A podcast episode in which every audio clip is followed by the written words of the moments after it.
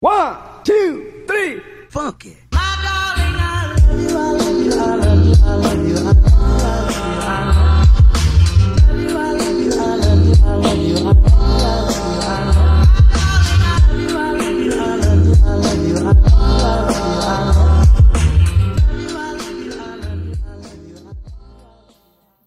Setiap orang berhak atas kebebasannya mengeluarkan pendapat.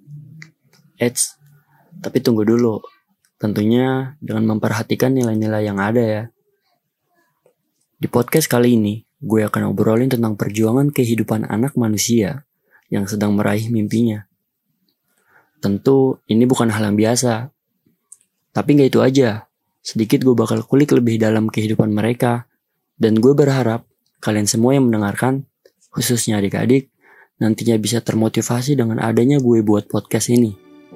Thank you and enjoy the podcast.